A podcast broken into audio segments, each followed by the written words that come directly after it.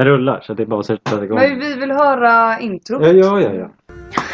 Laddacksnack. Laddacksnack! Laddacksnack! Laddacksnack! Laddacksnack! Välkomna! Det är dags för snack. Laddacksnack. Det är dags för Laddacksnack! Hej och välkomna till det fjärde avsnittet av Laddacksnack. Idag är det den 4 juni och vi sitter på Holiday Inn på Delhis flygplats. Och det är jag, Caroline, som är här. Och jag Karo. Och eh, jag Lukas. Och jag, Jakob. Och Maria. Ja, precis. Och idag så har vi faktiskt flygit från Le till Delhi och imorgon så får vi förhoppningsvis flyga hem till Sverige om allting går som det ska. Mm. I dagens avsnitt så ska vi snacka lite om livet i Ladakh. De föregående avsnitten har ju handlat om bylivet och stadslivet. Men nu ska vi lyfta blicken lite och kolla lite mer på de övergripande strukturerna som kultur, samhället i stort och eh, lite sådana roliga grejer. Spännande. Så jag tänkte att eh, vi kör igång och börjar lite med en historisk överblick. Låter det bra? Det Ja. låter superbra tycker jag. Ja. Som Karo berättade i bylivet så är ju Ladakh väldigt isolerat. Och eh, de första invånarna här, eller i- Ladakh, var ju vandrande nomader med ursprung i Tibet. Ehm, och under 1800-talet och tidigare än så tror jag också har ju det tibetanska inflytet, inflytandet i Ladakh varit väldigt påtagligt både politiskt och religiöst. Eh, med många kungariken rom- runt om i Ladakh. Eh, där kungarna var från tibetanska börd så att säga. Eh, och under många år så har det ju varit mycket konflikter eh, under de här tidiga åren. Vilket kungarik som skulle vara eh, det regerande. Och det blir svårt att klumpa ihop sen när då det Ostin, brittiska Ostindiska kompaniet sen tog över Indien eh, i början på 1700-talet successivt då. Under den här tiden så var ju ett stort kungadöme som fanns i Kashmir och Ladakh var ju Dogra-dynastin som regerade mellan 1846 till 1947 under en väldigt lång tid. Eh, Ladakh som sagt har ju väldigt mycket inflytande från det tibetanska ehm, och det märker man väldigt tydligt fortfarande idag eftersom Ladakhi, alltså språket man pratar i Ladakh, påminner väldigt mycket om tibetanska och ehm, det skrivna språket är ju buti som är också det tibetanska skriftspråket. Och det delas väl egentligen av hela Himalaya-regionen va? Ja, jag tror det. Det är Kashmir då, alltså, där, alltså kashmiri som de pratar i Kashmir som inte är påverkat av det tibetanska då. Indien blev självständigt 1947 efter mycket om och men. Det var konflikter hit och dit. Eh, dagen innan så blev faktiskt Pakistan självständigt den 14 augusti. Och 15 Mhm. augusti blev 1947 blev Indien självständigt. Eh, som sagt var ju Dogra-dynastin den regerande, det regerande kungadömet och de valde sida och de valde Indien. Hur kommer det sig att de valde Indien? För att han, kungen då, han var hindi. Eh, och han kände mer tillhörighet med Indien. För att Pakistan då kom från ena sidan och tryckte på. Men han ville fortfarande vara sitt eget kungadöme. Så han snackade med Indiens styrelse och bara Kan inte jag få lite backup från er? Och eh, Indien bara Jo men om du skriver på det här avtalet så ge, backar vi dig. Och eh, så behöver inte du bli en del av Pakistan. Men så han tvingades lite till att eh, skapa en deal med Indien för att Pakistan tryckte på och ville ha eh, Kashmir. Liksom. Ja men precis. Så det var ju, och sen även om Indien då har varit självständigt sedan 1947 så har det ju varit väldigt mycket konflikter och krig och Ladakh är ju som Rigsin, vår handledare, har sagt en political hotspot. Både med Kina i öst, Pakistan i väst, nord typ. Ehm, så har det varit flera konflikter. Lukas, kan inte du berätta lite om de här konflikterna? För du gillar ju krig. Eh, gillar krig låter väldigt eh, hårt. Men jag ska försöka. Det, jag har försökt reda ut lite det här för mig själv också. För att det är väldigt rörigt och det är väldigt mycket som pågår samtidigt på olika fronter. Och konflikterna går in i varandra och eh, alla har väldigt starka åsikter om saker. Och ibland är det lite otydligt vad ett, en sida faktiskt tycker eh, och hur det skiljer sig till en annan sida. Men som eh, Caroline sa så var det ju inte helt säkert vilket land Kashmir skulle tillhöra. Och det kan man väl säga att det fortfarande är väldigt omdiskuterat vilket land Kashmir egentligen ska höra till och vilket det hör till nu. Det är eh, både Indien och Pakistan gör ju fortfarande anspråk på hela Kashmirregionen, inklusive Ladakh. Men att Kashmir valde Indien eh, ledde till konflikt redan från början 1947. Det blev krig. Eh, Indien kopplade in FN, tyckte att de skulle eh, lösa konflikten. FN rekommenderade en folkomröstning. Låt eh, Kashmir bestämma själva vad de vill höra till. Det gick inte att lösa en vapenvila innan den här folkomröstningen skulle ske så det slutade med att det inte blev någon. Eh, och sen dess har det ju varit liksom från och till konflikt kan man säga. Men en parentes där också. I dagsläget så är ju halva Kashmir tillhör Indien och halva tillhör Pakistan. Ja, det beror ju på vem man frågar. Frågar man Pakistan Ja. så tillhör ju hela Kashmir Pakistan och frågar man Indien så tillhör hela Indien Hela Eh, Kashmir. Hela, förlåt, hela Kashmir tillhör eh, Indien. Men det finns ju två delar. Man kan säga att en del administreras av Pakistan och en administreras av eh, Indien. Men båda gör ju anspråk på hela regionen. Om man frågar Google då? Ja, om man frågar Google så tittade jag på det här förut och ehm, om man frågar Google på min telefon som verkar vara lite mer diplomatisk så får man upp såna här streckade linjer vilket innebär att de inte tar ställning. Men min dator som nu har rotat sin GPS-signal djupt ner i Indien ehm, visar att hela Kashmir tillhör Indien. Så jag vet inte vad det är för logaritmer på Google som tar politisk ställning där. Och då men- visar de även de delarna som då inom situationstecken ligger i Pakistan. Liksom. Ja, Okej, Precis. intressant. Väldigt intressant. Och som Karo sa förut, så om vi har några lyssnare från Pakistan så kan ju de gärna kolla på Google och återkoppla till podden. Då. Men det kommer jag ihåg att jag tyckte var väldigt eh, speciellt när man skulle, när vi skulle, när vi go- eller när jag googlade eh, Ladakh innan jag kom hit så förstod ju inte jag riktigt var gränsen börjar och slutar. Nej. Vilket, eh, vilket är väldigt intressant. Ja. Nej men lite som Lukas var inne på, det är ju otroligt mycket såna här eh, ja, men Streckade ja. linjer. Att det är så här, vad, gränserna verkar vara sjukt oklara. Ja, och det är också oklart när man pratar om Kashmir som begrepp så kan ju det här betyda, liksom, det kan betyda landskapet, det kan betyda en historisk stat, det kan betyda liksom väldigt olika grejer. Men som sagt så har konflikten varit lite på och av. Eh, 1965 var det en stor eh, upplossning och 1999 så var det eh, också väldigt mycket det så kallade Kargil-kriget. Och det Kargil som vi snackade om mycket om förra avsnittet, Precis. det är ju i Ladakh. Så Ja. många som vi har träffat har ju minnen från det här Mm. kriget om hur armén Visst. Och de har ju skyltar Kör. överallt i Ladakh. Celebrating 20 years since eh, Kargil War och Mm. sådär kring militären. Så det är fortfarande väldigt stort. Då kan man också ha i åtanke 99 var både Pakistan och Indien eh, kärnvapennationer.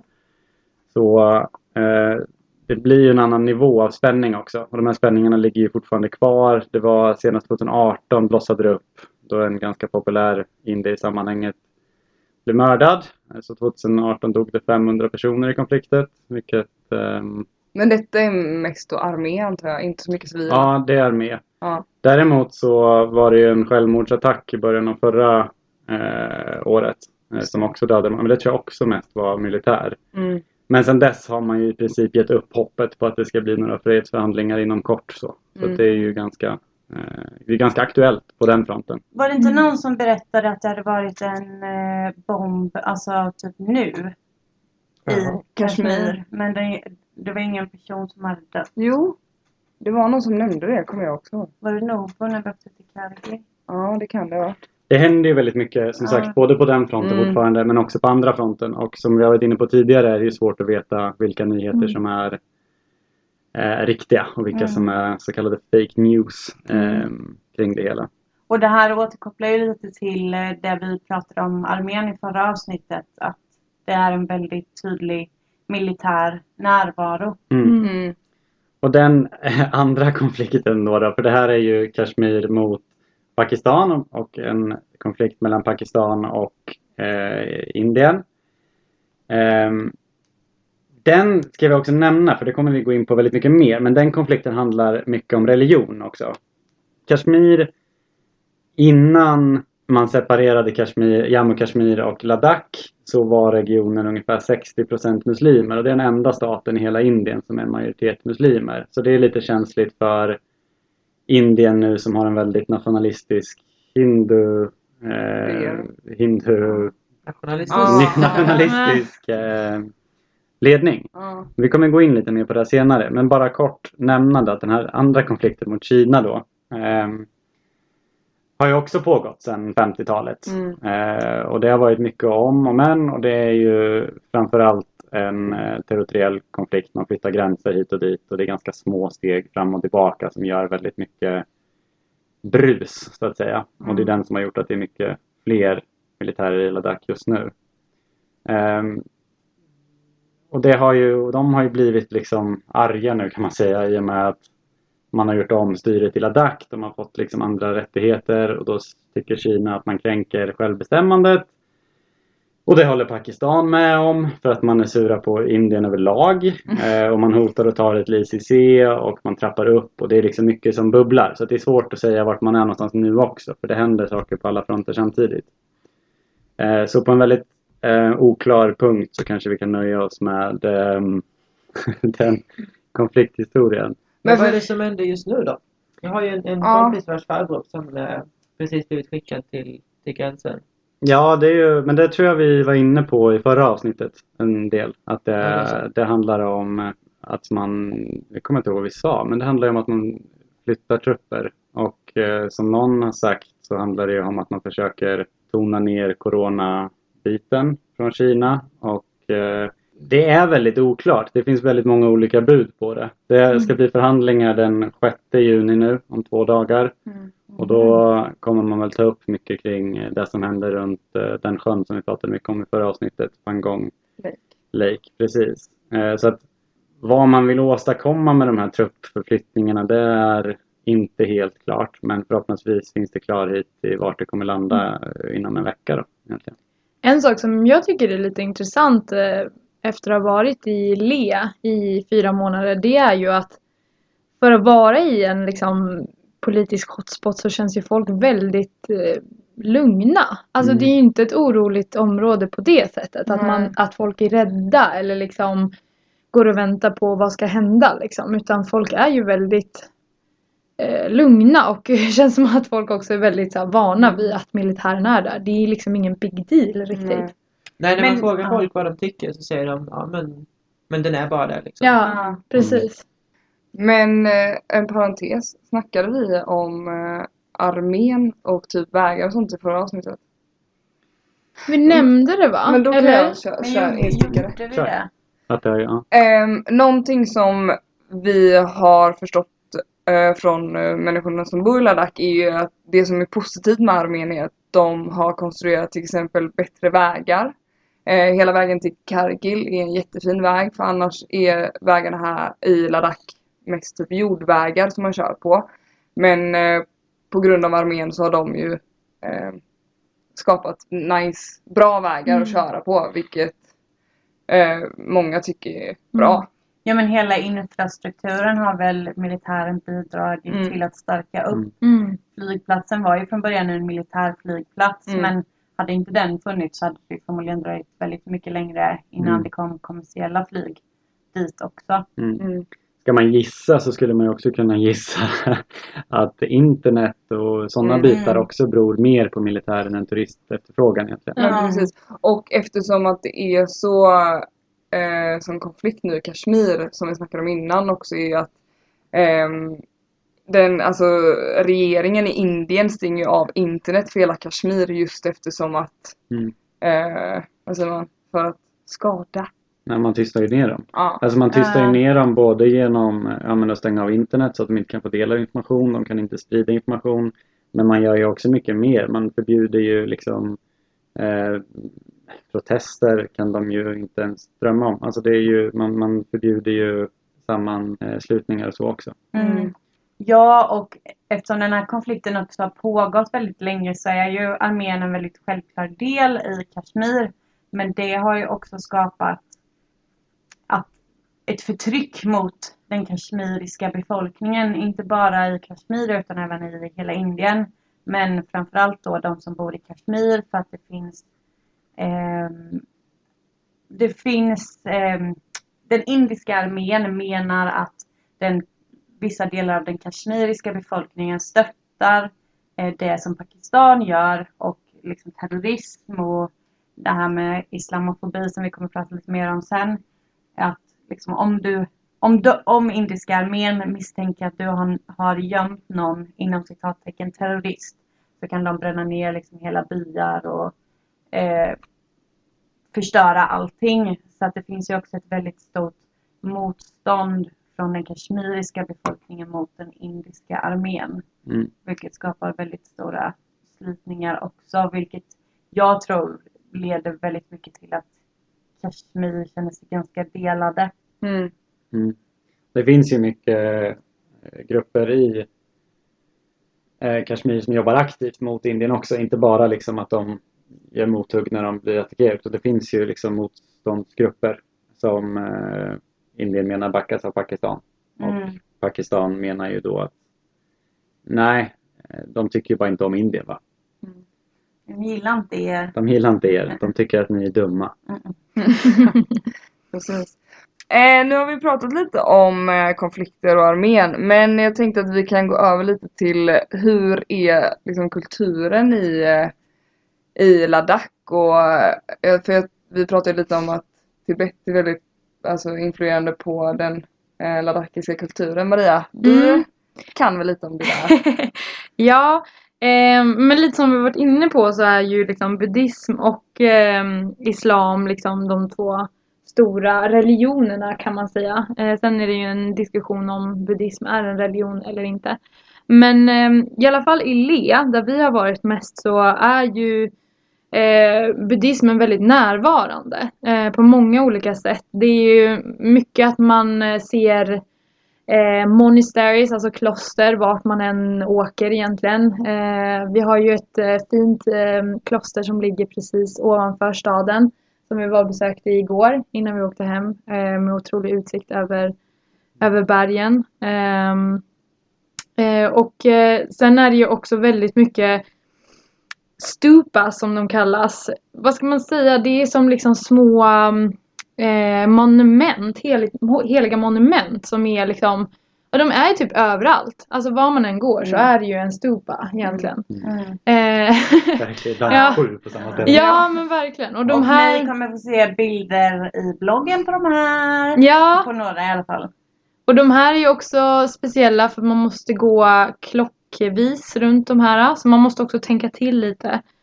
Ehm, och eh, böneflaggor är ju också väldigt, eh, i alla fall eh, från Himalaya-området. Men också kom, kopplat till buddhismen.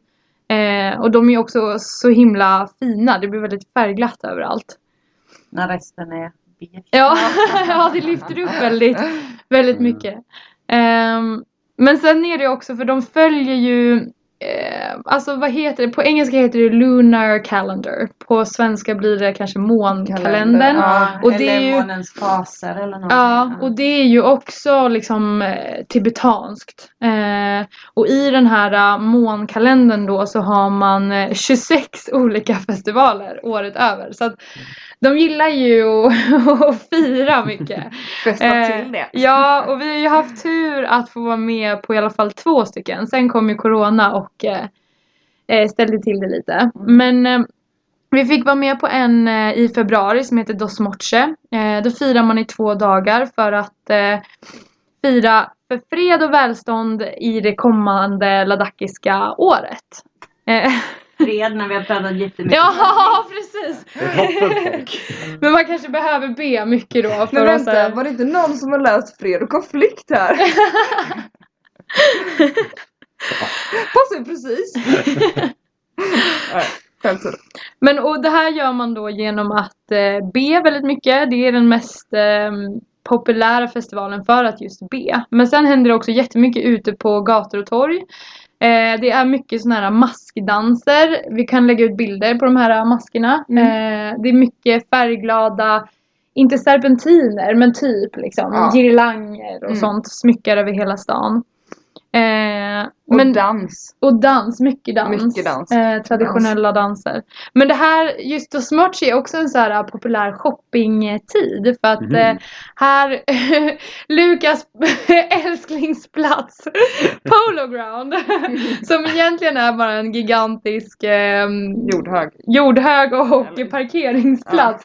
Den fylls alltså till bredden med olika stånd. Jag tror att den finns där. ja, det är ju väldigt tur faktiskt. Eh, och här kan man göra massa bra eh, bargains och eh, ja, men, eh, klipp. Så man får, eh, de har mycket så här, eh, vad säger man?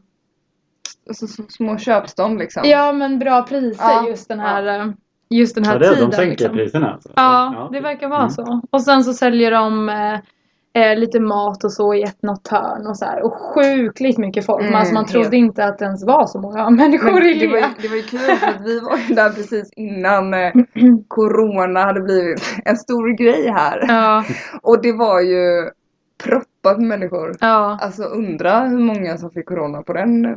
ja, eller hur? Eller hur? Ja.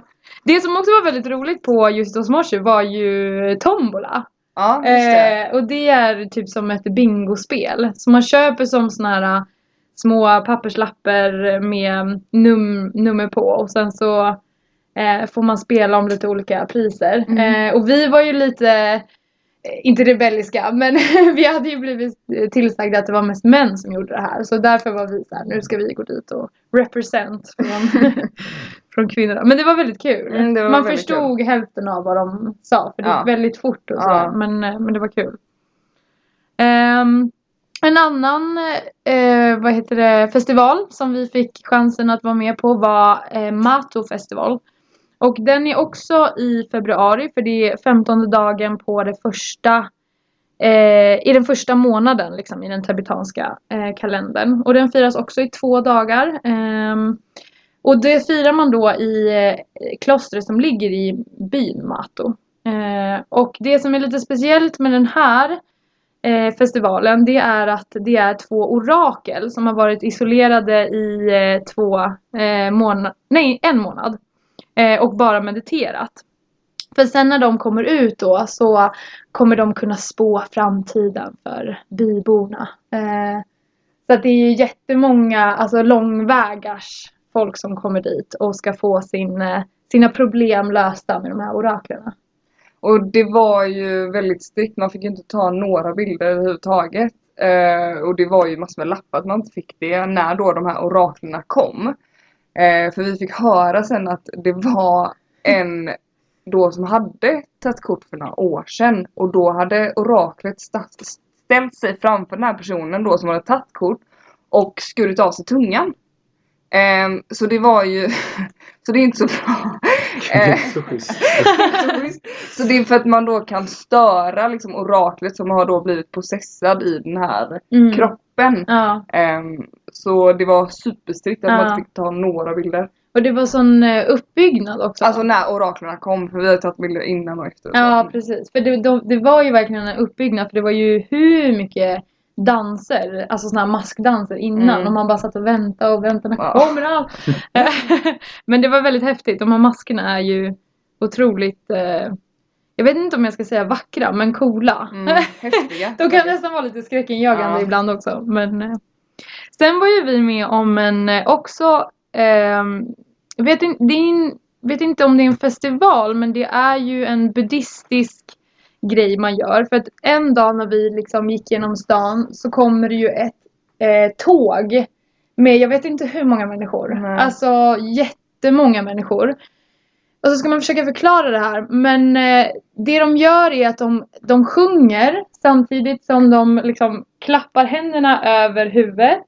Sen knäar de, eh, lägger sig ner på marken, Mm. Eh, ställer sig upp igen, sjunger, klappar över huvudet. Och går ett steg liksom. Ja, och går ett steg. Precis, så de går ju liksom framåt hela tiden när Mm. de gör det här. ja.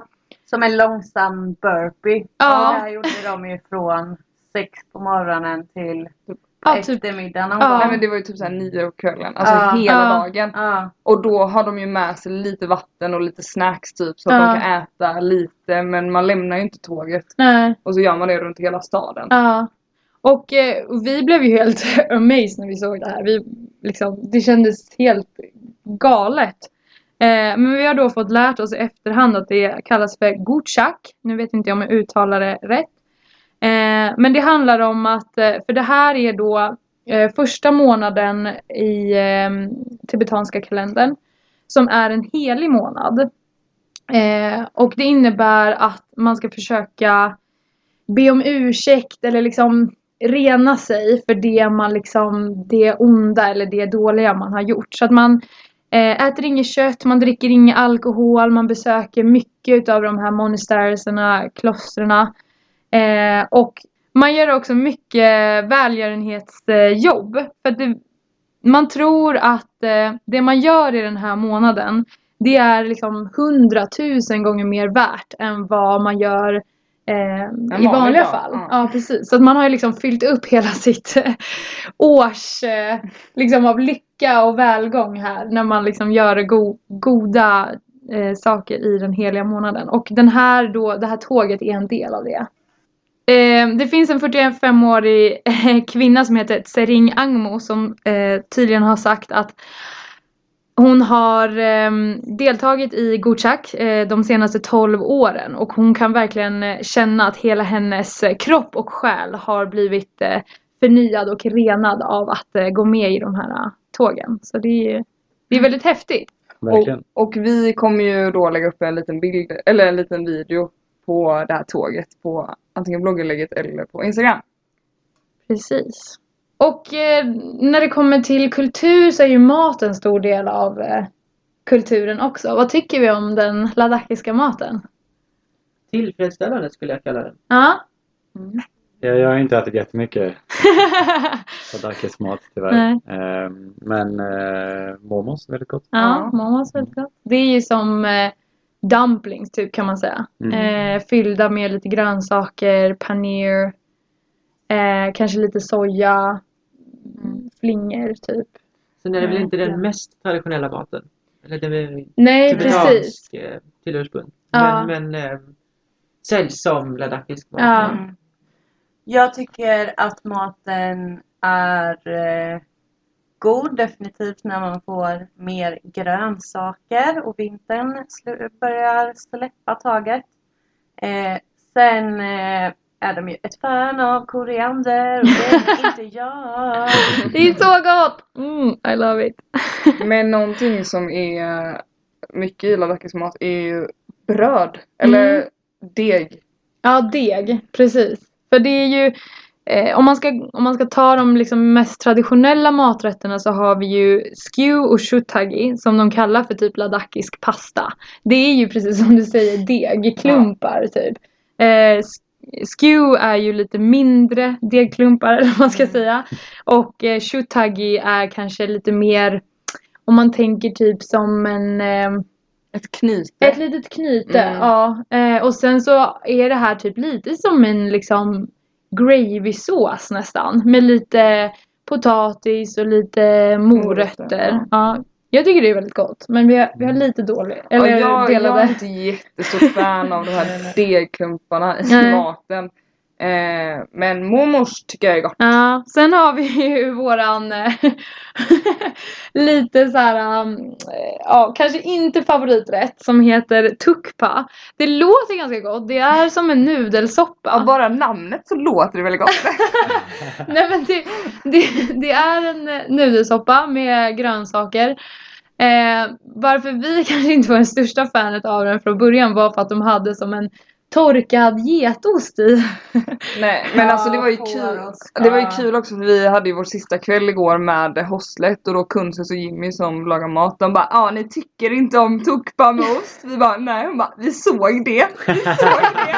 Vi You don't ju, like. vi var ju också så här typiska svenskar så att vi vågade inte direkt säga någonting utan det var ju bara att vi Tog åt, lite mindre. Ja, Ja. åt jättelite de kvällarna och typ alltid poppade popcorn efter. Så någon gång efter typ tre gånger så bara You don't like och vi bara No! vi, vi gillar det men inte med den torkade osten. Nej. Man bara vi löser. Så nästa gång fick vi ju inte tukpa med Nej. ost. Nej för det smakar typ lite som får luktar, kan man Ja. säga det? Mm. Väldigt speciellt. Ehm, ja. Sen är det ju också timuk som man får ganska mycket. Och det är som, tänk er en kanelbulle fast det är ett, ett helt ehm, ehm, plain eh, bröd som är ång, ångtillagat Ja. liksom. Eh, och det, till det får man som en grönsaksgryta oftast. Eh, ja. Men eh, någonting som är väldigt typiskt är väl typ smörte också. Ja. vad, vad tycker ni om det? Inte så gott. Jag vet, inte- jag vet inte om jag har druckit smörte. Okej. Du, du Alltså- vet om du har druckit smör? Ja. Men då har jag inte det. Nej. Nej, alltså smörte är ju liksom Det är vatten, mjölk, smör och salt. Ja, nej. Så att Det det... smakar surt. Det är bara fått det här goda teet det. Mjölkte. Ja, ja. det här eh, kondenserad mjölk eh, smakar liksom som att dricka gott.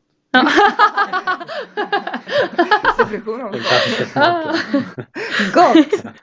Men smörteet är ju liksom det traditionella teet liksom som kommer från eh, Ladakh. Men precis som Lukas säger så dricker man ju enorma mängder mjölkte.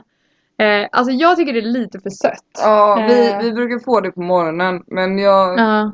Jag drack det en vecka men sen så tyckte jag det blev för, alldeles för sött på Ja, morgonen. men jag kan tänka mig att det är fel på morgonen. Vi får det ju ofta på eftermiddagen. Ibland Ah, sådär. Men då är Ah. man lite så här, ni vet. Man, eh, Man vill ha bröd. någonting Ja. sött. Ja. Ja, det skadar inte. Vi får ju kawa till frukost, vilket jag älskar. Jag tycker det är så gott. Och jag kommer ihåg Jakob när du kom till eh, Ledeg Hostel första gången och du fick smaka det och du var Ja, helt det, frälst. ja.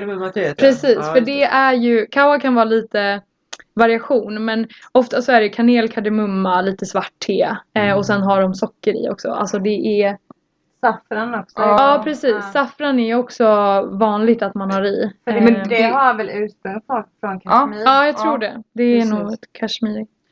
Eh, och, och sen har vi också upplevt eh, saltte. Att det är så här Och det, rent, men det ser ut som, ehm, vad heter det? Det är lite rosa i färgen. Nej men jag tänker att det är som buljong. Ja, Alltså mm. det, är, det är egentligen buljong. fast Men vadå, är inte jättesalt. salt, smörte samma sak? Nej. Nej, men kommer du inte ihåg när vi typ Nubra. åt, eh, Det åt var ju en- smörte. Ja, Ja fast när vi var på väg till Nubra, eh, när vi stannade till i eh, Kardung la- village Ja. så, så sa jag att ja men jag tar gärna te. Eh, och då fick jag liksom Alltså det är genomskinligt. Och så, för vi fick det på kontoret en dag, en dag. Alltså i början. Och så såg vi Aha. Dolma dricka te och vi bara åh vad nice med te. Och så smakade jag och bara men det är salt. Det är ja. nog smutsvatten. Det är dåligt betyg. Men också en traditionell dryck som kommer från Ladakh som inte är te eh, men gjort av barley är ju chang. Och det är ju typ öl. Du har ju Lukas, eh, du har försökt återskapa det här eh, traditionella changen. Jag vet inte om det är så traditionellt chang. Jag har försökt återskapa. Men det smakar, eller det ser nästan likadant ut. Ja. Men Karo och Caroline, ni som har smakat det, smakar öl? Nej. Nej, men det smakade ju mycket godare än vad det luktade. För att det Ja. luktade ju bara mögel och jäst. Ja. Men hade en ganska så här Sur. Ja. Ja. ja, men nästan lite mer så här eh, fulvins ja. smak. Inte för att vi har druckit det men. eh, kanske lite åt surölhållet kanske fast det mycket, alltså det är ju så obearbetat liksom. Mm. Det är ju en ren, vad ska man säga, ren Mäsk. Ja, ja det är det nog egentligen. Eh, och du, du nämnde bröd också. Bröd äter ju vi, får ju vi färskbakat, eller fick Mm. vi ska jag säga nu, varje morgon. Eh, och det kunde ju vara supermånga olika eh, paranta som är eh, ofta med potatis eller något som heter metti i och det är en grön grej. Och, ja. Eh, som ofta är lite oljig liksom. Mm. Eller så har vi det traditionella brödet kambir som är lite tjockare. Ehm, Nästan som pitabröd. Mm. Ja, precis. Och sen rot är ju lite liknande bara att det är tunnare liksom.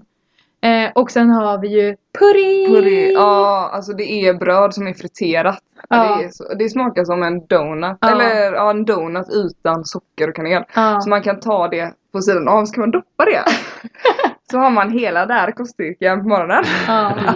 ja men alltså jag kommer sakna våra frukostar med så här nybakt bröd, hemgjord aprikossylt och en kopp eh, kava till det. Ja. Alltså, En kopp kava. nej, Kawa. kava.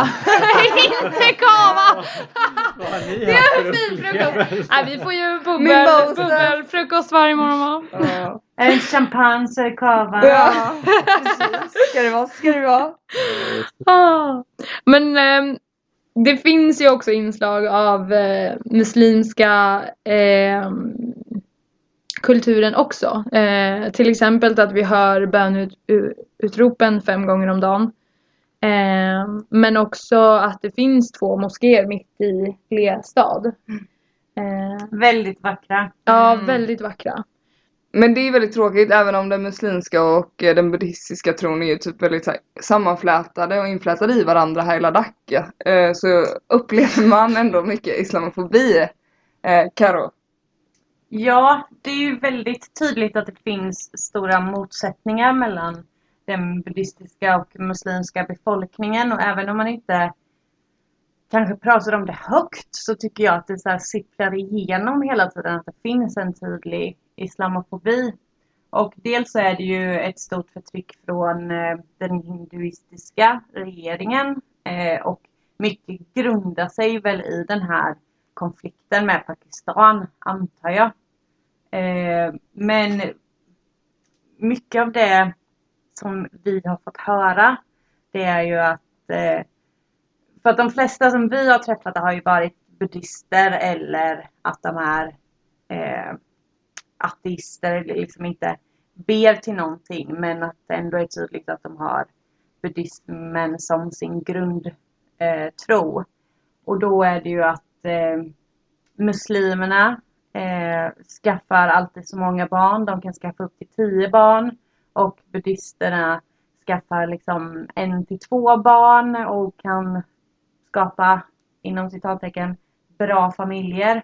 Eh, och att det här då kommer in, innebära att muslimerna kommer eh, konkurrera ut buddhismen. Eh, och det har ju vi hört folk säga liksom rakt ut att Mm. det här kommer bli ett stort problem att muslimerna kommer ta över. Och sen finns det också väldigt stora eh, problem i när man liksom gränsar sig över. Alltså om en muslimsk kille och en buddhistisk tjej blir kära tillsammans och vill gifta sig så är det otroligt problematiskt eh, i, i Ladakh. Eller i Le i alla fall. Där har vi ju till och med träffat folk som har den problematiken Mm. och där familjen har liksom vänt sig emot. Eh, ja, Ja, mer än ett exempel ja. har vi ju sett det. Mm. Men det är ju inte bara heller liksom snacket på gatan utan det här är ju saker som även politiska ledare uttrycker. Mm. Eh, det här som du var inne på att det här med att föda barn och att det Mm. blir fler och att de tar över och att de tränger ut och att eh, liksom buddhister blir minoritet och de här grejerna. Det är ju retorik som även finns på liksom ganska höga politiska nivåer. Mm. Så det är ju djupt rotat även i de lagren. Mm. Och sen finns det ju också eh, nej men inom eh, skolväsendet så är det också väldigt uppdelat. Eh, I alla fall de privata skolorna, eh, vilket många av barnen i Ladakh går i. Att det är buddhistiska skolor, kristna skolor och muslimska skolor. Och sen är det vissa sk- skolor som säger att det här är ingen buddhistisk skola. Men de har ju fortfarande buddhistisk bön på morgonen. Och likadant kristna skolor. Mm. Att så här, barnen behöver inte delta i den här morgonbönen om de inte vill. Men ur mitt perspektiv så om man har en bön för ett, en viss religion i Mm. början på dagen så tycker jag att det är en kristen eller buddhistisk. Eller, Jag har svårt att inte bli påverkad. Liksom. Verkligen. När alla, Ja. alla ens kompisar kanske är med. Då kanske det också är svårt att aktivt ta. Mm. ja, Ställning till Ja. när man är så ung att man inte vill Ja, men det. skapar ju också en stor segregation. För Mm. då, kanske, alltså då blir man ju redan där liksom uppdelad. Mm. De som är muslimer och de som är buddhister. Så att det skapar väl också en stor segregation i samhället. Liksom, att man inte, ja, men ju mindre man umgås med folk i, eh, av andra kulturer desto svårare är det ju att Mm. skapa förståelse. Mm, verkligen. Men för du har ju varit inne nu lite med hela skol och utbildningssystemet. Eh, hur ser det ut? Ja, eh, som sagt så är ju Indien ett väldigt stort land och eh, det vet ni ju också. Och det är lite svårt att liksom, greppa eh, utbildningssystemet eh, och i jämförelse med Ladakh. Men i hela Indien så är ungefär eh, eller är läskunnigheten på ungefär 69 procent. En Mm. siffra från 2014. Så i eh, Indien så är ju alltså 30 procent analfabeta. Eh, Jag läste också någon siffra på liksom den indiska analfabeta populationen är den största populationen som är eh, alltså det är det största landet. Per capita som är... Nej, det, det är liksom eh, så många analfabeta det, det finns i Indien. Det är liksom det största antalet analfabeter från ett land i hela världen. Mhm. Ah. Makes that sense? Ja, summan. Så det är an- antalet och inte andelen. Så att säga. Nej, exakt. Så att jag tror att antalet analfabeter i Indien motsvarar typ 37 procent i hela världen eller något sånt där. Av de analfabeter. Men eh, i alla fall då om man kollar, eh, här kan jag också hänvisa, hänvisa tillbaka till eh, den muslimska befolkningen att det finns väldigt tydliga siffror på att om man jämför mellan de olika religiösa grupperna så är muslimer den grupp som har absolut flest antal analfabeta.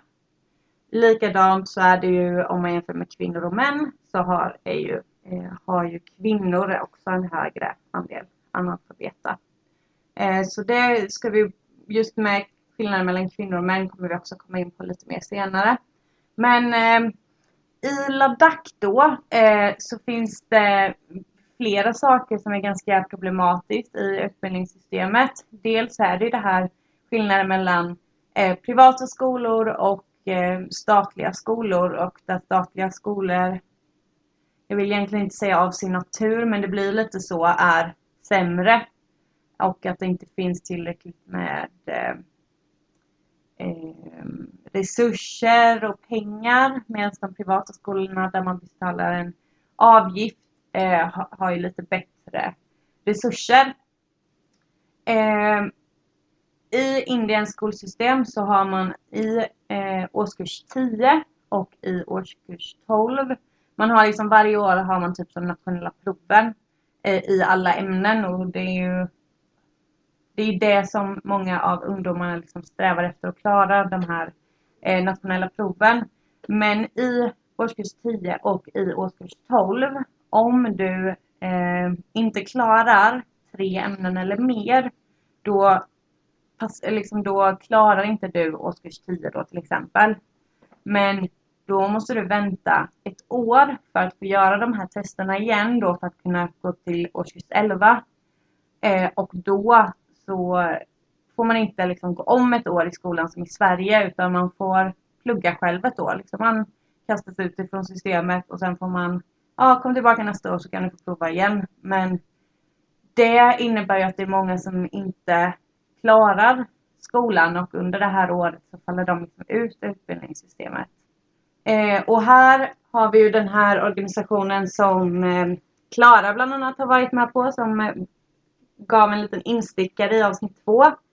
Säckmoll är en eh, eh, organisation som arbetar just med att både så här, utbilda byar inom eh, utbildning, utbilda inom utbildning, ja det kan man säga. Eh, ja. eh, men också då har, eh, ger en möjlighet för de här ungdomarna då som inte klarar årskurs 10 och årskurs 12 att vara på, på den här, eh, de kallar det ju för skola, Säckmål. Mm. Eh, att de kan vara där, de kan plugga lite andra typer av ämnen som jordbruk, de lär sig om solar passive hus, de lär sig om eh, att ta hand om djur, det är mycket eget ansvar, att man har matveckor och liknande. Så det är ju ett svar på att liksom, de här som eh, faller ut systemet, att de har en chans att ta sig tillbaka utan att förlora alldeles för mycket. Men det är exakt det du säger nu också är också ett svar på det här som vi pratade om i eh, förra avsnittet tror jag att det var. Eh, just att man lär sig ju inte om sin, sin kultur i Just det. skolan idag. Utan man tappar ju ofta traditionerna. Mm. Eh, och det hjälper ju då Säckmål till med just att de får liksom gå upp fem på morgonen och mjölka kossan. De får ja, men, eh, plöja åkern och så grönsaker och eh, så. Så att det Mm. hjälper ju också till med den här eh, kulturbiten vilket är superbra. Är det bara ungdomar från Ladakh som får gå på Säckmål eller är det från hela Indien? Nej, det är bara för Ladakh för att det var liksom ett movement för att de eh, såg för 1998 så var det 95% av eleverna som inte klarade eh, årskurs 10. Och då, 95 procent? ja, Wow! Bra system. ja, då såg de liksom att så här, vi Mm. måste göra någonting åt systemet. Ja. Eh, och vad jag har kunnat läsa, mig- läsa mig till så har även Säckman varit inblandade i de här olika eh, reformerna som Mm. har Mm. gjorts för utbildningssystemet. Mm. Så det är väldigt bra. Eh, men det finns flera olika orsaker kring att eh, utbildningssystemet i Ladakh har varit eh, lite, eller att det, det inte är många av barnen som klarar skolan. Dels har det funnits en väldigt stor eh, språksvårighet att eh, man har inte lärt ut på ladakhi som är språket utan det har varit på till exempel urdu eller hindi vilket då många barnen inte kan. Så då är det svårt att lära sig inom det språket. Mm. Men sen har det också varit att eh, böckerna och liksom eh, den kontexten som de arbetar med i de här böckerna kommer centralt ifrån Delhi. Och det har också ladakhiska barn haft svårt att relatera till när man pratar om elefanter och palmer. Mm. Eh, det finns inte riktigt i Ladakh. Mm. Eh, så att man har liksom inte, inte förstått. Eh, och sen finns det även liksom de här skolorna ute i byarna. Eh, så har det varit svårt att eh, få ut rätt kunskap och att de liksom inte vet sina rättigheter kring utbildningen. Så att även det har eh, arbetat med. Eh, en annan intressant eh, aspekt och en väldigt viktig tror jag, det är att lärare anses inte vara ett så bra yrke. Eh, vi har en av våra vänner här som kommer från södra Indien men som har jobbat som, lä- som lärare. Eh, när han berättar att han är lärare så blir det typ, har folk svarat med bara, men vadå du är ju jätte, vadå gick det inte bra på det andra jobbet eller du är ju jättebra på det här. Det är liksom sista utvägen typ. Mm. Och det här skapar ju också att det inte är eh, så välmotiverade människor som blir lärare och då är det också svårt att lära ut på ett bra sätt. Så att det arbetar eh, man väldigt mycket med i hela utbildningssystemet att eh, liksom bygga upp lärarnas eh, kompetens. Ehm, och sen finns det också som jag läste på lite om att det är många, som vi berättade så är det många barn från byar som åker till privatskolor där det är liksom internat typ. Så att de är borta ja, men ett år i taget eller nio månader eller vad det blir. Eh, och är bland barn och andra vuxna och det finns väldigt, också väldigt stor andel eh, child molesters. Alltså att de blir, utsatta, ja, att, de, ja, att de blir utsatta för sexuella övergrepp när de liksom är i en så otrygg eh, situation. Mm. Och att man skickas iväg från en väldigt ung Ja. ålder. Mm. Eh, och det skapar ju också Eh, att man kanske tappar sin kultur för att det är okej om man kanske är i Le och kommer från Tjocklamsar som Mm. ligger en halvtimme bort. Ja, det ligger närmare i sig. Men en annan by som bara ligger en halvtimme bort. Men några, några av dem vi har träffat har ju liksom skickats iväg. Ja, det tar ju, Flera timmar. ja, det tar ju säkert tio timmar att Mm. köra till vissa delar. Så att då har ju de noll kontakt med sin Mm. tradition och Ja. skickas man iväg när man är sex år. Ja, Det är klart att det påverkar. mm, verkligen. Vad tänker ni kring utbildningssystemet? Har ni någon mer uppfattning än det jag har sagt? Men det, det jag tycker är intressant är att man har träffat så många människor under sin tid här i Leladak som har gått på säckmoll. Mm. Eh, och det bevisar ju ändå Ja. också den här faktan som du nu berättar. Liksom att så här, säckmoll behövs för att Mm. so- skolsystemet verkar inte funka. Liksom. Men också Eh. typ att eh, de har pratat om säckmål med sån värme. Att bara, ja. Men vi lärde oss så mycket där. Vi lärde oss ta Ja. ansvar. Och Ja. liksom, det var inte bara tjejerna som lagade mat utan det var både killar och tjejer Mm. och som tog hand om djuren. Och Mm. liksom alla var lika delaktiga i allt. Mm. Vilket eh, är häftigt liksom. Ja, för det var också så häftigt att få se, för vi var ju och besökte Säckmoll och vi var ju där under en tid då det kom eh, nya elever kan man säga som hade lite som en provhelg eh, eh, och se liksom så här vilka som skulle få börja där för det är ganska stort eh, intresse att få börja på Säckmoll. Och de här eh, eleverna var ju ganska blyga, de var ganska så här, Så. ja men tillbakadragna och liksom väldigt så här, vill inte göra fel. Men sen såg man också de här studenterna som hade gått där i några år. Vilken, ja men alltså det var så coolt att se deras liksom confident, alltså Mm. självförtroende. Eh, men, och det kändes verkligen som att, och deras språkkunskaper med Mm. engelskan var ju superbra verkligen. Men också att de blir så drillade i att så här, på kvällarna på middagarna så får de ställa sig upp och hålla korta tal och liksom så här, ja men de blir uppdaterade om nyheterna varje dag. Att de blir verkligen så eh, ja, men anpassade till samhället. Liksom. Att, så här. Att få bra verktyg Mm. för livet. Inte bara så här, nu ska du lära dig 1 plus 8. Nej men alltså, ja. Utan.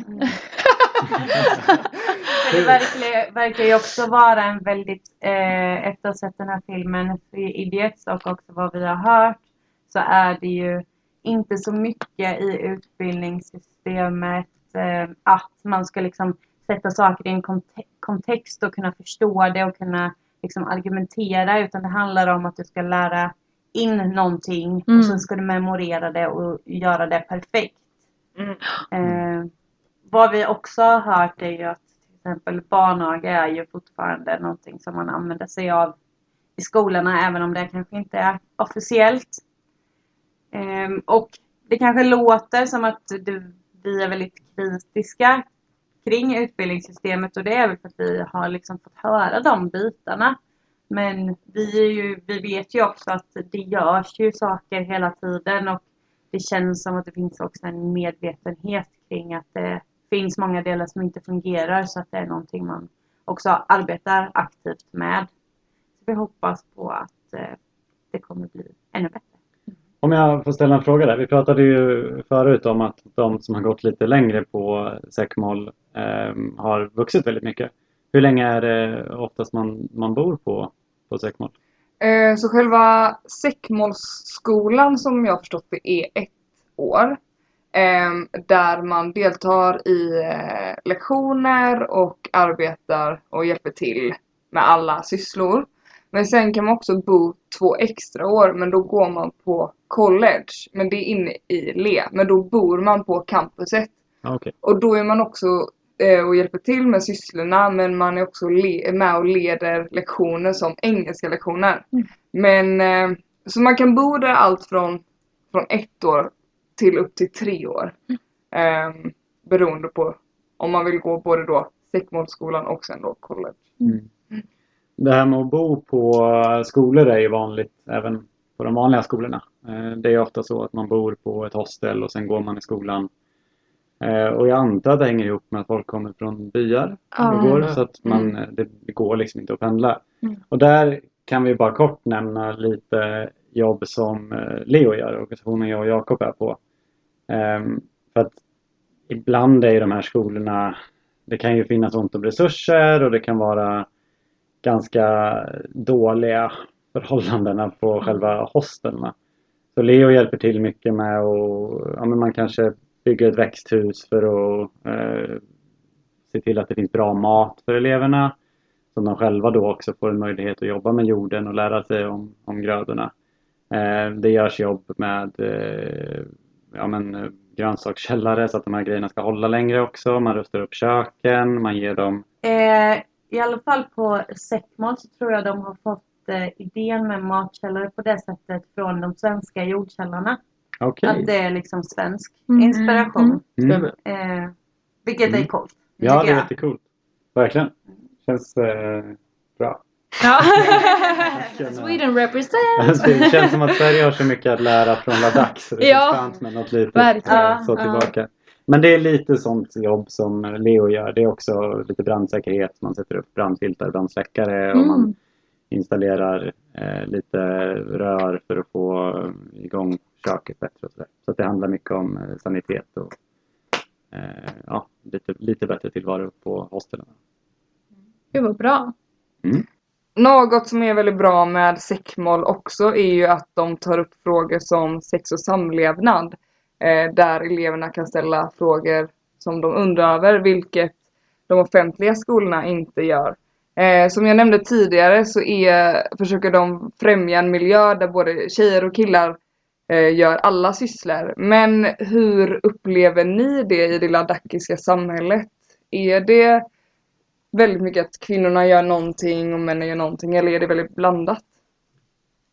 Jag skulle väl säga att det ser ut eh, som på väldigt många ställen i världen. Att eh, det är ganska stora skillnader även om de är kanske rätt subtila för lokalbefolkningen. Jag vet man har pratat med folk så är det väl ofta att man spelar ner det ganska mycket. Att man säger att det är ganska platt mellan eh, kön. Men om man liksom tittar på vem som gör vad och vilka liksom de skillnader som finns så är det ändå ganska tydligt att det finns skillnader. Carro var inne Mm. på skillnad i läskunnighet. Ehm, vi har pratat om att det är liksom ovanligt för eh, killar att göra de eh, hushållsuppgifterna på säckmål. Men sen, alltså historiskt sett så har det väl varit ännu större skillnader. Maria, jag vet att du hade läst någonting om giftermål som är lite intressant. Ja, alltså den här boken som jag nämnde, Ancient Futures, ehm, där skriver de att traditionellt så Eh, är det inte helt ovanligt att man är gift med flera personer och då kan det främst vara kvinnor som har eh, flera män och det är också en anledning för att männen vill liksom inte dela upp landet utan man vill eh, behålla eh, hela landet och då gör man så att man liksom gifter sig med samma kvinna för att det inte ska bli eh, uppdelat. Inom familjen menar du då? Alltså att det är bröder som gifter sig med en Ja, kvinna? det är inte helt ovanligt Ja. att det är liksom två bröder till exempel som gifter sig med en, en kvinna. Eh, men också nu i och med att det har blivit mer västerländskt så, så börjar det liksom försvinna mer och mer för att det har väl också det upplevs väl som lite skamset för att det inte är så i västvärlden. Eh, Mm. Ja, men och en, en sak som eh, vi också har nämnt lite tidigare, liksom det här med mens. Alltså är Mm. ju inte liksom någonting man ser eller pratar om nej. liksom i samhället på all, med all samma närvaro.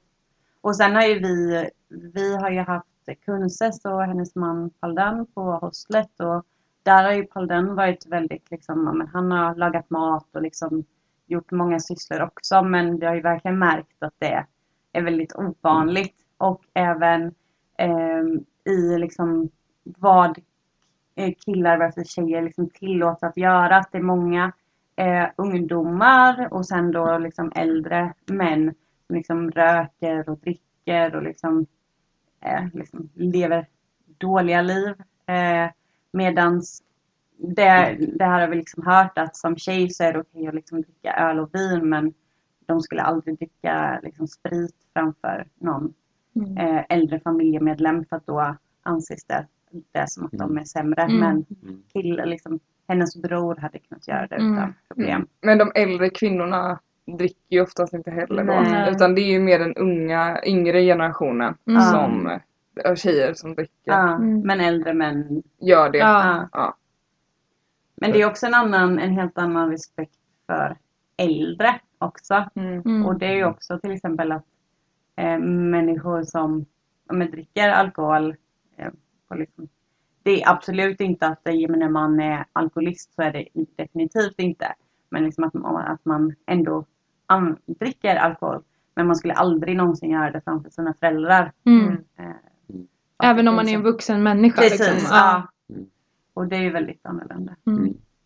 En annan skillnad mellan eh, män och kvinnor tycker jag märks tydligt i yrkeslivet. Att man har lite olika åtaganden vad gäller jobb helt Mm. enkelt. Jag tänker bara om man går på stan och kollar i butiker och affärer så är det Ja. ju en stor majoritet män som håller i det. Mm. Medan det kanske oftare är kvinnor som sitter eh, längs gatan och säljer grönsaker mer Mm.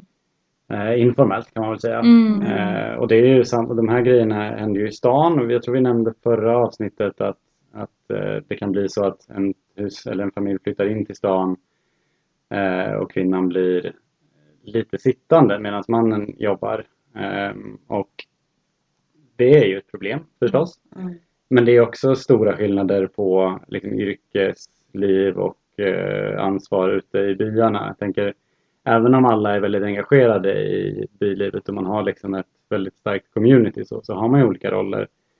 När det ska plogas till exempel, då är det mannen som eh, driver på eh, sina zoo eh, medan kvinnorna plockar ogräs efter. Det är liksom kanske inte så stora skillnader men det är väldigt tydligt uppdelat Mm. efter könen. Mm. Ja, och jag tänker också med tanke på byarna att så här, ofta är det ju kvinnorna som lagar mat, precis som Karo var inne på. Och eh, ute i byarna så kanske de också har något som kallas bukari för att värma upp men också för att laga maten.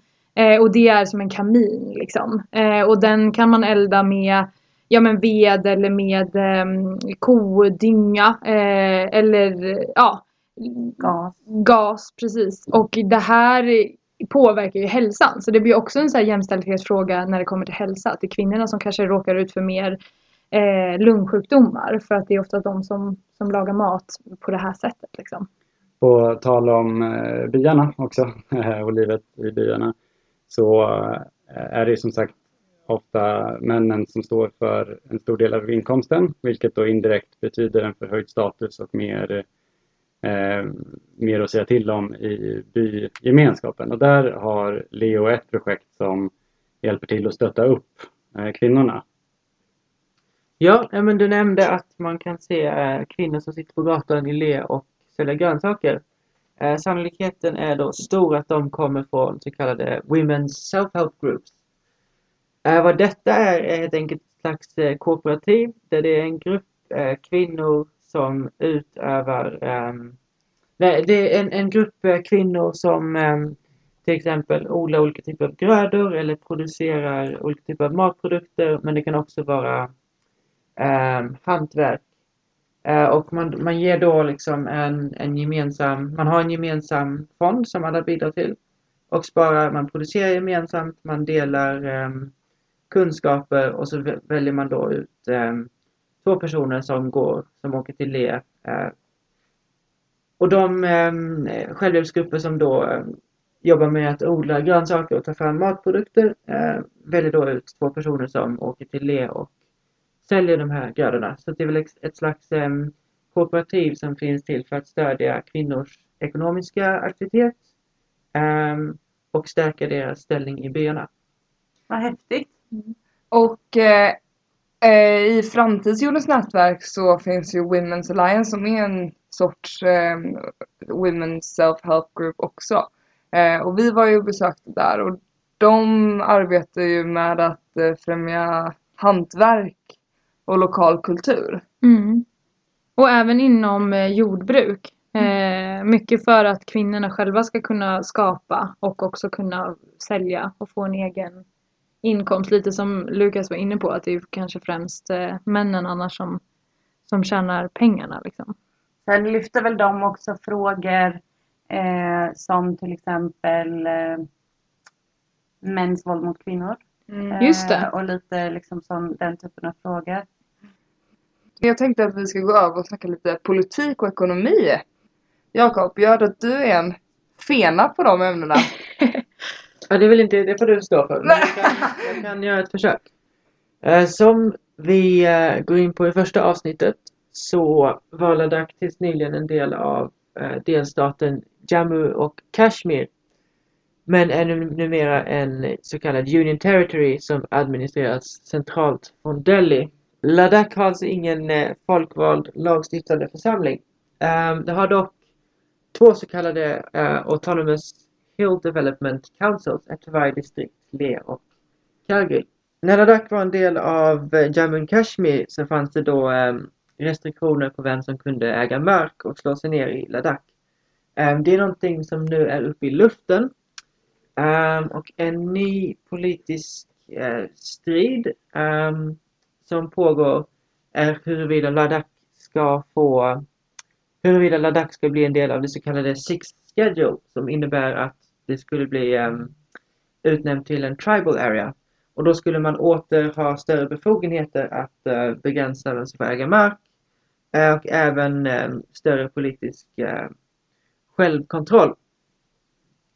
Ehm, det är något som de flesta jag pratat med eh, är för. Ehm, inte bara för att det handlar om att bevara den ladakiska kulturen utan även av ekonomiska skäl. Men får man får vem som helst köpa mark i Ladakh nu? Mm. In- Jo, Är det så? nu med Ah. UT så får vem som helst i Indien köpa mark. Får Men, jag köpa mark? nej, men om man är indisk medborgare. Okej. Mm. Men med Sixt, eh, ja men Six schedule. med Sixt, med Sixt, nej jag kan inte säga det. Med sjätte Sixt schedule så eh, vill de ju fortfarande vara eh, en del, alltså det här Union Territory, men det är bara ladakier som ska äga mark så som Mm. det var innan. Mm. Så de vill ju ha en mix av hur det var innan Ja, och hur det är nu. ja. För nu så känner de ju, och det är väl det lite problematiken är också som vi snackade om förra avsnittet med eh, turismen att i, innan så ägde ju bara ladaker hotellen men nu kan ju liksom stora pengamänniskor Mm. äg, köpa mark och bygga upp de här Ja. sjuka Ja. komplexen och det är det som är lite problemet. Och då Men- blir också Ja. traditionen, eller traditionella liksom kulturen hotad Mm. också. Mm. Men det... Jag kan ha fel men så, jag har inte tolkat det så. Så som jag har tolkat det så är det att liksom hela UT-grejen eftersom det skedde i slutet på 2019 så har inte det gått igenom. Men det är inte så det kan komma bli. Så jag trodde inte Jo, att alltså, folk har fr- börjat... från, från det här året så kan folk köpa. Men jag vet inte hur många som har köpt men det är väl det de är lite rädda för att det ska Mm. komma och bara bli jätte... Anstormning! Mm. Ja, Om man ska ge en liten bakgrund ehm, till Ladaks ekonomi eh, så kan vi se en väldigt stor skillnad på den formella och den informella ekonomin. Den formella ekonomin domineras eh, av turismen. Ehm, som vi varit inne på tidigare, det är oerhörda mängder turister som kommer in varje år. Eh, där eh, den här turismen och både fördelarna och nackdelarna med densamma är då väldigt koncentrerat till Le. Eh, den informella ekonomin är dock fortfarande väldigt stark. Eh, det vill säga det finns ett starkt självhushållande jordbruk ute i byarna. Ehm, inte bara inom hushållen utan på bynivå. Eh, och familj och släkt och ehm, säga, bybanden är fortfarande väldigt starka. Det är något vi sett prov på under den pågående coronakrisen. Eh, där väldigt många har återvänt till sina byar och på ett, på ett annat sätt deltagit i den informella ekonomin. Ehm, men detta är något som eh, då kan hotas om det nu är så att eh, vem som helst kan få komma in och köpa mark. Om det är så att det blir ett eh, större ekonomiskt tryck på marken och priserna pressas upp. Och det handlar både om ehm, turismen, det vill säga att stora företag eller eh, välbärgade individer kan komma in och bygga hotell. Men också till exempel om mineralfyndigheter. Um, och det är väl lite nationalekonomi 101 att om det blir ett högre tryck på någonting, en högre efterfrågan, då stiger priset. Uh, och om mark då blir mer av en finansiell resurs där det, som det finns ett ekonomiskt tryck på.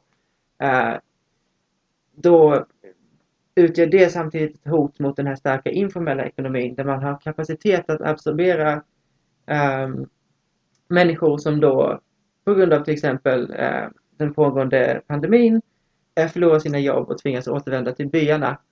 Eh, så det är ett hot eh, på flera nivåer som då de flesta jag har pratat med är oroliga för. Make detta sens? Ja, ja verkligen. Ehm, du pratade lite där om att folk stannar kvar i byarna i och med Corona och att det är fördelar till den inofficiella ekonomin. Ja, till och med åker tillbaka. Ja, till att å- åka tillbaka. Och Corona kommer vi prata mer om i nästa avsnitt som heter Livet under Corona. Och vi har ju pratat lite om turism både förra avsnittet och nu och vi har inte sett så många människor eller turister här. Eh, Som vi förväntade oss så- att vi skulle se. Ja men precis, när vi kom hit alla hypade att det skulle komma så mycket turister. Men någonting vi har sett mycket av är ju faktiskt hundar! Och eh, hundar är ju söta, eller hur? Ja, speciellt när de är små och fluffiga. Ja, men eh, de... valpar menar du alltså? Ja! Det är så de kallas. Men vi på Ledeg som har sagt innan så finns det ju, vi har väl kanske typ 10 hundar som hänger på gården. Mm. Och jag har pratat med flera som har sagt att hundar är ett av de största problemen här i Ladakh. Eh, och främst i Le och Kargil då som är de största städerna. Ehm, Vi har ju haft otroligt mycket upplevelser med hundar. Ja. Alltså både positiva och också väldigt jobbiga och eh, lite traumatiska nästan. Men precis. Eh, I Le så finns det ungefär 6000 hemlösa hundar. ehm, och man vill ju att det ska vara ungefär 300 på, 3 hundar på 100 människor. Ehm, och om vi säger att det finns typ 40 000 människor i Le, eller 30 000, Mm. så ska det finnas 1200 hundar, ungefär 1500. Men Mm. det är ju jättemycket mer och detta beror på eh, turism, att det kommer så sjukt mycket turister som matar hundarna och även armén som ger hundarna mat. Eh, lösningen på detta problemet är eh, inte att döda dem, som man kanske skulle gjort i Sverige om man har massor med hemlösa hundar, att man kanske avlivar dem. Men det har ju kommit ett nytt initiativ nu att man vill sterilisera hundarna eh, för att kunna minska då på alla hundar. Varför eh, väljer man att sterilisera då istället för att avliva dem? Många verkar ju lida. Ja, det grundar ju sig i den buddhistiska tron att man inte vill döda djur. Det som blir problemet i den här lösningen är att man inte löser problemet i grunden. Utan hundarna finns fortfarande kvar och de lider, speciellt nu under coronatider där hundarna inte får mat till exempel av restauranger och turister som då har bidragit till den här ökade hundsituationen. Och där har ju vi pratat ganska mycket om just det här med buddhismen och hundarna. Att vi nästan upplever lite av en dubbelmoral. Att man liksom så här, nej men på grund av buddhismen så dödar man inget levande liksom. Men det är okej att låta dem lida. Mm. Det är okej att låta dem äta upp varandra Ja. för att de inte har någon mat. Det är okej att låta dem döda andra djur, djur för att de inte har någon mat. Att det är en väldig problematik i, i det här tankesättet också. För de flesta hundarna man ser det är ju hundar som någon gång har varit tamhundar men sen liksom bor på gatan. Och de allra flesta är ju i risigt skick. Alltså Mm. det är ju ofta liksom sår, haltar, det Mm. finns någon som bara har tre ben. Eh, Det är buld på dem. ja, och- jättesmutsig päls. Mm. Liksom, man ser att de inte är välmående. Mm. Och ibland också aggressiva, vilket är...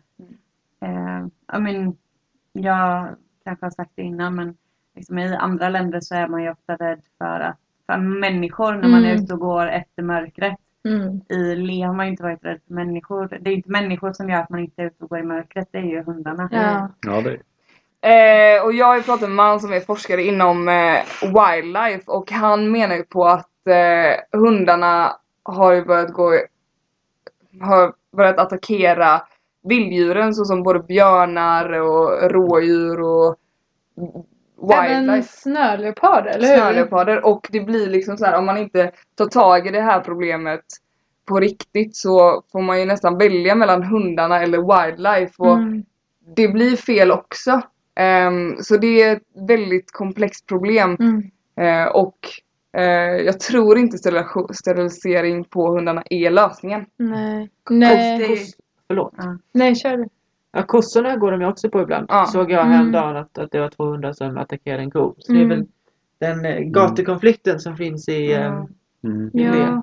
Men speciellt också när vi eh, eh, vi har ju gått, vi går ju ner till stan varje dag och som Maria berättade, vi har ju sett hundar äta hundar. Mm. Och det är ju fruktansvärt och även när våra hundar då på gården tar liksom in eh, skinnslamsor över kanske kor eller hundar och man ser de här små valparna äta detta. Det, Mm. blir, det blir så morbid på något Ja. sätt. Det är inte så... Ni såg ju till och med antingen en katt eller en annan valp bli Ja. uppäten. Ja. Mm. Ja, man har verkligen så blandade känslor kring de här hundarna för att de allra flesta är ju liksom snälla och gör inte så mycket. Men vi har ju även liksom nästan blivit bitna och man har ju enorm respekt för dem och inte Mm. på ett liksom positivt sätt utan Mm. de har ju liksom drivits till det här. Mm. Ehm, och det känns inte liksom hållbart att ha det på det här sättet. Det finns ju också ute i byarna så är det ju också jättestora problem med att hundarna liksom attackerar djur som går på bergen under nätterna eller under de månaderna när det tillåts. Och det skapar ju en enorm ekonomisk förlust för de här byinvånarna om liksom, Deras fler, får ja, flera kor, kor eller får Mm. blir uppätna. Ja. Det, Mm. och det har ju verkligen på riktigt hänt att människor har blivit Mm. attackerade och döda. Mm. Och många har ju blivit bitna också. Så när vi går vår promenad så har vi ett ställe där det är några ilskna hundar som skäller och typ jagar lite efter oss. Då har vi alltid stenar Mm. i händerna för att vara redo att kasta. Kasta på marken då framför dem. Ja, precis. Inte på Inte dem. på dem. Men det är så blandade känslor. Caroline har ju en, en teori om att man ska Men- stå in fingret i hundens mungipa. Det, Är det någon sån här äh, alfa... nej, det är så här, om en, bi, om en hund biter tag i en, istället för att bara slå på den så ska vi ta liksom fingrarna i käken så att den lossnar. Aha. Ja, Nu visar jag. Det eh, precis. Ja. Vi, Jo, det här- vi, vi bifogar en bild på när Lukas visar. Nej men det är också så blandade känslor för nu på våren så är det ju jättemycket valpar överallt och de är ju så söta som man avlider. Och man har ju velat ta hem kanske fem hundar. Men eh, det är också som Ja men man blir så Det gör ont i själen Mm. för man vet vad de här hundarna kommer växa upp eh, och möta för liv liksom. Och vi har sett liksom små valpar ligga i vintern när vi kom att de blir ihjälfrusna Ja. för att de inte kan hantera Mm. kylan liksom. Mm.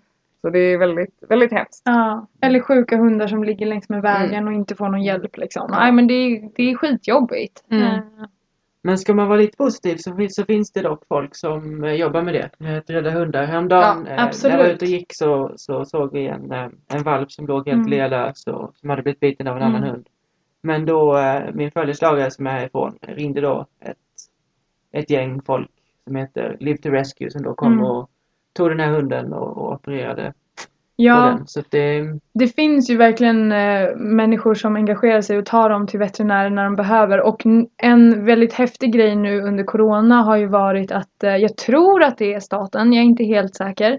Men att de åker runt med stora lastbilar med typ ris eh, och någonting mer och liksom kastar ut till hundarna så att de får mat. Vilket, för att dämpa också det här eh, aggressiviteten hos hundarna. För hund, under den här perioden när corona har varit så, som jag sa, så får de ju inte den maten som de brukar få eftersom de brukar alltid få rester från restauranger eh, och alla hotellkomplex och sånt. Så hundarna har ju blivit mer aggressiva eftersom de är ju hungriga. Mm. Eh, så det är jättebra att de får mat. Ja. Men det blir också så här är det lösningen på, proble- på problemet just eftersom då kommer de få fler valpar och så kommer Mm. den här onda cirkeln liksom fortsätta. Mm. Ja, Och- komplex Ja, fråga. det är jättesvårt. Det är en del, jag vet inte om det här är fullständigt relevant, men vi pratade ju en del avfallshantering förra avsnittet. Just det. Mm. Jag tycker att det är lite intressant hur hushåll använder hundarna som lite som sin kompost. Ja, Mm, absolut. Att, att man, när man liksom, det blir rester kvar eller liksom grönsaksrenset det lägger man i en liten eh, låda och sen lyfter Ja. man ut det och så låter man hundarna äta upp det. Mm. Och det är kanske inte den bästa maten men vi har också sett hundar gå och äta avföring Ja. från kor eller från varandra. Eller från Eller från människor. människor. eller från människor. Så det är ju, det är ju, det är ju intressant hur de här liksom problemen går in i varandra Ja. Verkligen. eh, också. Ja, då har vi pratat lite om livet i Ladakh i stora drag. Eh, lite om religion och kultur och historia och hur det kopplas samman. I nästa avsnitt så kommer vi prata mer om Corona och hur Corona har påverkat Ladakh och Le men också hur vår praktik blev påverkad. Eh, glöm inte att följa oss på Instagram, Framtidsjorden, eh, men även läs de underbara blogginläggen. Eh, och glöm inte likea och dela och kommentera. Tack ska ni ha! Chile! Chile!